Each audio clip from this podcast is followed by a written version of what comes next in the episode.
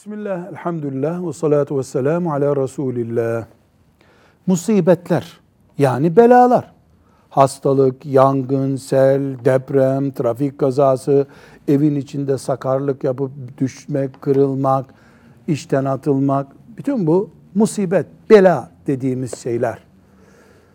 Bunlar başına geldiğinde bir insanın, o insanın Allah'ın sevmediği, cehenneme atacağı bir kul olduğu için bunlar onun başına geliyor diyebilir miyiz?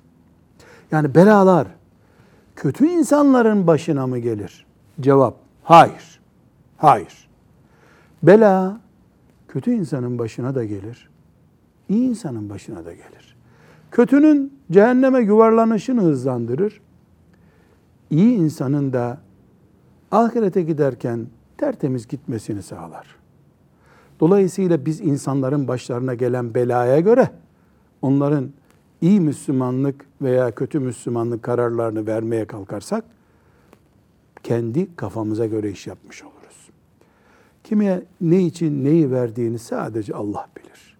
Velhamdülillahi Rabbil Alemin.